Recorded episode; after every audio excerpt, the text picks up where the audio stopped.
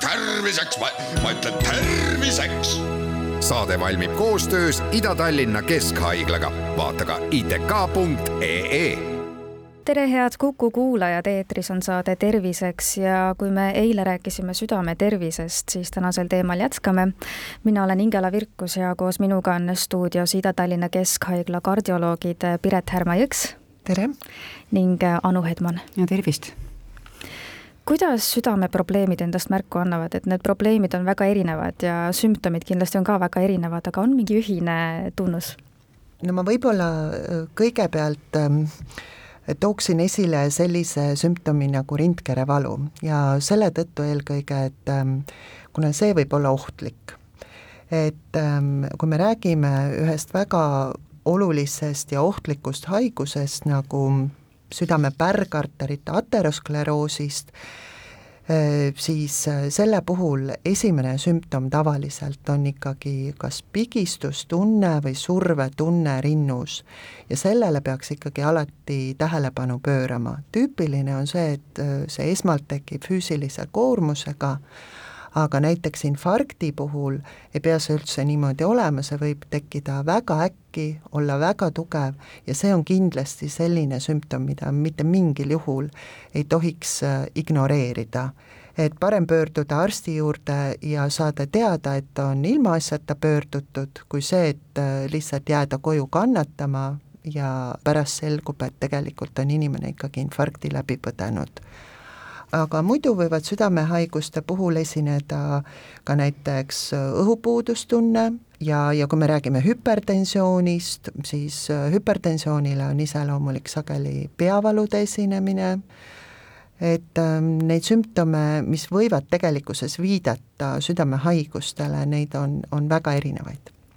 Kui inimene tunneb näiteks rindkerevalu, kas siis ikkagi perearstiga konsulteerida või ikkagi e-, EMO-sse esmalt pöörduda? Mm? -hmm see sõltub sellest rindkerevalust, et kui see tõepoolest on selline lühiajaline, läheb iseenesest mööda, esineb põhiliselt koormusel, siis on kõige õigem ikkagi koheselt rääkida oma perearstile sellest, kes siis suunab patsiendi juba, juba täpsustavatele uuringutele. aga kui meil on tegemist väga tugeva rindkerevaluga, mis ei lähe ka üle kuidagimoodi, siis tegelikult äh, peaks ikkagi kiirabi kutsuma, jah jah, selge on see, et valu on alati niisugune alarmsümptom, eks ole ju. et eh, kui ta midagi teistmoodi, mida sa ei ole varem tundnud või see on tõesti esimest korda elus, et tegelikult perearst on see, kes aitab kõigepealt, sest et noh, me oskame küsida õigeid küsimusi nii-öelda arstidena. Ameerika statistika näiteks ütleb seda et, et kaheksakümmend protsenti EMO-sse pöördunud patsienti, kellel on rindkerevalu, ei ole südamevalu et rindkeres on väga palju muid tähtsaid organeid ka, mis, mis võivad enda olemasolust nii-öelda märku anda et neid sümptome on nii palju ja et neid äh, südameprobleeme on äh, nii palju, siis kuidas äh, südamehaigusi diagnoositakse, et kuidas siis jõutakse selle ühe konkreetse diagnoosini? no südamehaiguste diagnostika, nagu ka kõigi teiste haiguste diagnostika, algab ikkagi alati arstiga rääkimisest ja sellest arsti mõttest ja arst äh,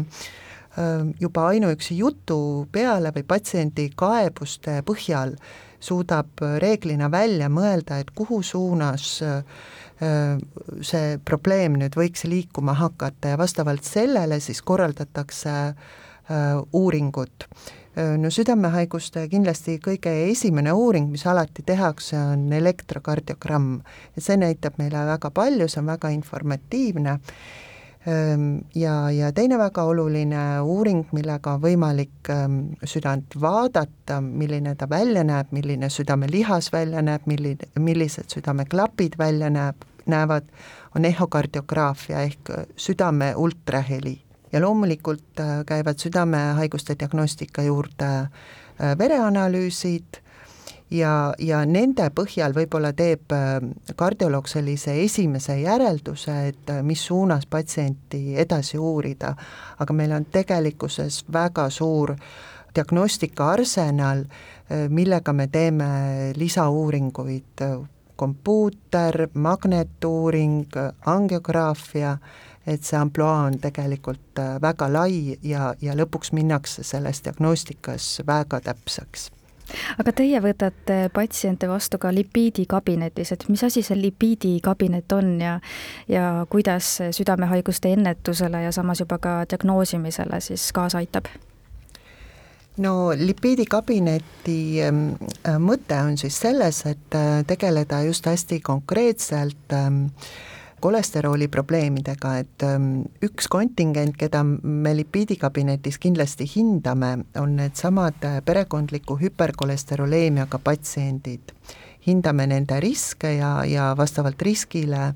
määrame neile ravi, aga tegelikult lipiidikabinetis me käsitleme ka kõiki teisi äh, düslipideemiaga seotud ähm, probleeme, äh, kaasa arvatud kõrgete triiglütseriididega seotud probleeme kindlasti me hindame seal juba neid haigeid, kellel on koronaarhaigus juba diagnoositud ja vaatame, et nende lipiidiväärtused oleks äh, äh,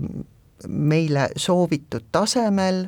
mis on nende ravi eesmärkväärtused, et nad need saavutaksid jah, see on, sellel kabinetil on ka üks teine üllas suur eesmärk, nimelt et me oleksime kindlasti nii-öelda see koht, kuhu perearstid saaksid suunata meile juba sihipäraselt inimesi, kellel on potentsiaalne tulekahju veresoones, me ütleme, seda, noh, see on niisugune lihtsustatud, aga aga ütleme niimoodi, et perekondlik hüperkolesteroleema ei ole lihtsalt kõrge kolesterool. Äh, vaid ähm, see on, ütleme, et kuni kaheksakümne protsendil on olemas see nii-öelda kuri geen, mis määrab ära nende kolesterooli ainemäed, see hoiab selle kolesterooli kuni neli korda kõrgemana,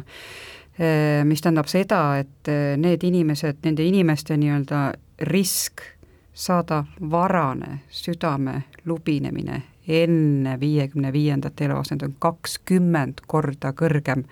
tavainimesest, me teame, Eesti geenivaramu andmeil on saja seitsmekümne seitsmest inimesest ühel on see haigus, see ei ole üldse mitte mingi harv asi. et mujal maailmas on ju nii-öelda üle kolmekümne aasta tegelikult selle haigusega sellepärast, et me saame üsna varakult ära hoida neid äh, väga varaseid äh, südamelihase infarkte, veresoone lubinemisi, ähm, selle haiguse puhul on näiteks ka see statistika et, et äh, kolmkümmend protsenti perekondliku hüperkolesteroleemiaga inimeste südamelihase infarktidest algavad ja lõpevad äkksurmaga. nii et me näeme liiga vara liiga halbu asju, aga me teame, et me saame seda asja ideaalselt ära hoida. Ja ma ütleks veel siia juurde, et perekondlik hüperkolesteroleemia on tõepoolest väga aladiagnoositud. Ja kui me ei tee diagnoosi, kui inimene ei tea, kui arst ei tea, et patsiendil on perekondlik hüperkolesteroleemia, siis ei saa ju seda ju ka ravida et selles mõttes eesmärk on need patsiendid võimalikult vara leida ja võimalikult vara ikkagi see ravi alustada. et kõiki neid tüsistusi siis edaspidi äh, kas täiesti ära hoida või võimalikult kaugele edasi lükata. -hmm. milline see ravi on täna? Äh, meil on äh, raviarsenal, äh, täiustub meil iga aasta, ehk et meil on kõige tavalisemad need kolesteroolivastased ravimid, eks ole ju, meil on tulnud ka sinna täiendusi ja me tänapäeval kasutame ka juba bioloogilist ravi, mis on tõesti niisugune sihtmärk ravi, süstitav kas paar korda kuus või paar korda aastas teatud tingimustel et meil on tegelikult pakkuda väga palju ja aga noh, eelkõige mida me tahame ka selle kabinetiga, mida teeb kogu maailm, on see, et see ei tähenda mitte ainult selle patsiendiga tegelemist, vaid me tegeleme terve perega. me teeme nii, nimetatakse kaskaad screening uks, et sa lähed, alustad sellest ühest patsiendist ja siis sa screen'id ära tema lapsed, või kindlasti on need midagi nende emadel-isadel, mis ei ole veel teada. nii et eesmärk on see, et leida üles kõik need ohutsoonis inimesed ja, ja neid võimalikult kiiresti aidata aga ma saan aru, et sinna kabinetti saab ikkagi läbi perearsti, et perearst suunab, et ise kuidagi ei saa tulla? jaa, me ootame ikkagi, et patsiendid pöörduks kõigepealt probleemiga perearsti juurde või kui perearst selle probleemi leiab, need kõrged kolesterooli väärtused, siis äh, perearst teeb meile juba e-konsultatsiooni, perearst ju tegelikult teab ka seda patsiendi perekonda ja võib-olla neid haigusi oskab meile juba täpsemalt kirjeldada, mis selle patsiendi perekonnas on olnud ja selle põhjalt me saame juba teha järeldusi, et kas patsiendil võiks olla perekondlik hüperkolesteroleemia ja kutsume ta siis enda vastuvõtule. ehk et äh, näiteks, kui sa näed oma vereanalüüsis paha kolesterooli numbrit üle viie, ja sa tead, et su emal-isal on olnud varakult mingisugune perekonnas mingisugune sündmus või tädil või onul või näiteks on teada, et sinu lapsel on ka kõrge kolesterool, siis räägi sellest kindlasti oma perearstiga, et perearstidel on olemas töölaual samamoodi sellised vahendid, kuidas ära määrata, kas sellel inimesel võib olla see haigus tõenäoline või mitte. nii et sellepärast on siis nii-öelda Eestis kindlasti kolm kohta olemas, nii-öelda kolm kõikides suuremates haiglates, TÜKis, PERHis ja ja ITK-s olemas nii-öelda need äh, lipiidikabinetid, mida omavahel koostööd ja meil on niisugused ühtla-, ühised käsi käsitlusjuhised, kuidasmoodi, et me, et me teeksime kõik ühtemoodi ja meil Eestis me lõpuks ometi üritame teha ka statistikat, mis meil Eestis toimub selle haigusega, et me selle käesoleva aasta jaanuarist meil on olemas ka selle perekondliku hüperkolesteema register, et me üritame nii-öelda teada saada, mis on tegelikult meie Eesti oma statistika, me teame, mis toimub Skandinaavias juba varsti nelikümmend aastat ja me tegelikult väga ei tea, mis meie oma rahvaga toimub aitäh teile saatesse tulemast, Ida-Tallinna Keskhaigla kardioloogid Piret Härma-Jõks ja Anu Hedman ning palju jõudu ja jaksu teile! aitäh! tänan!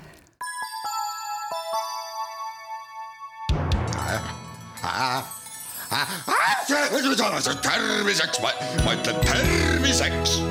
saade valmib koostöös Ida-Tallinna Keskhaiglaga, vaata ka itk.ee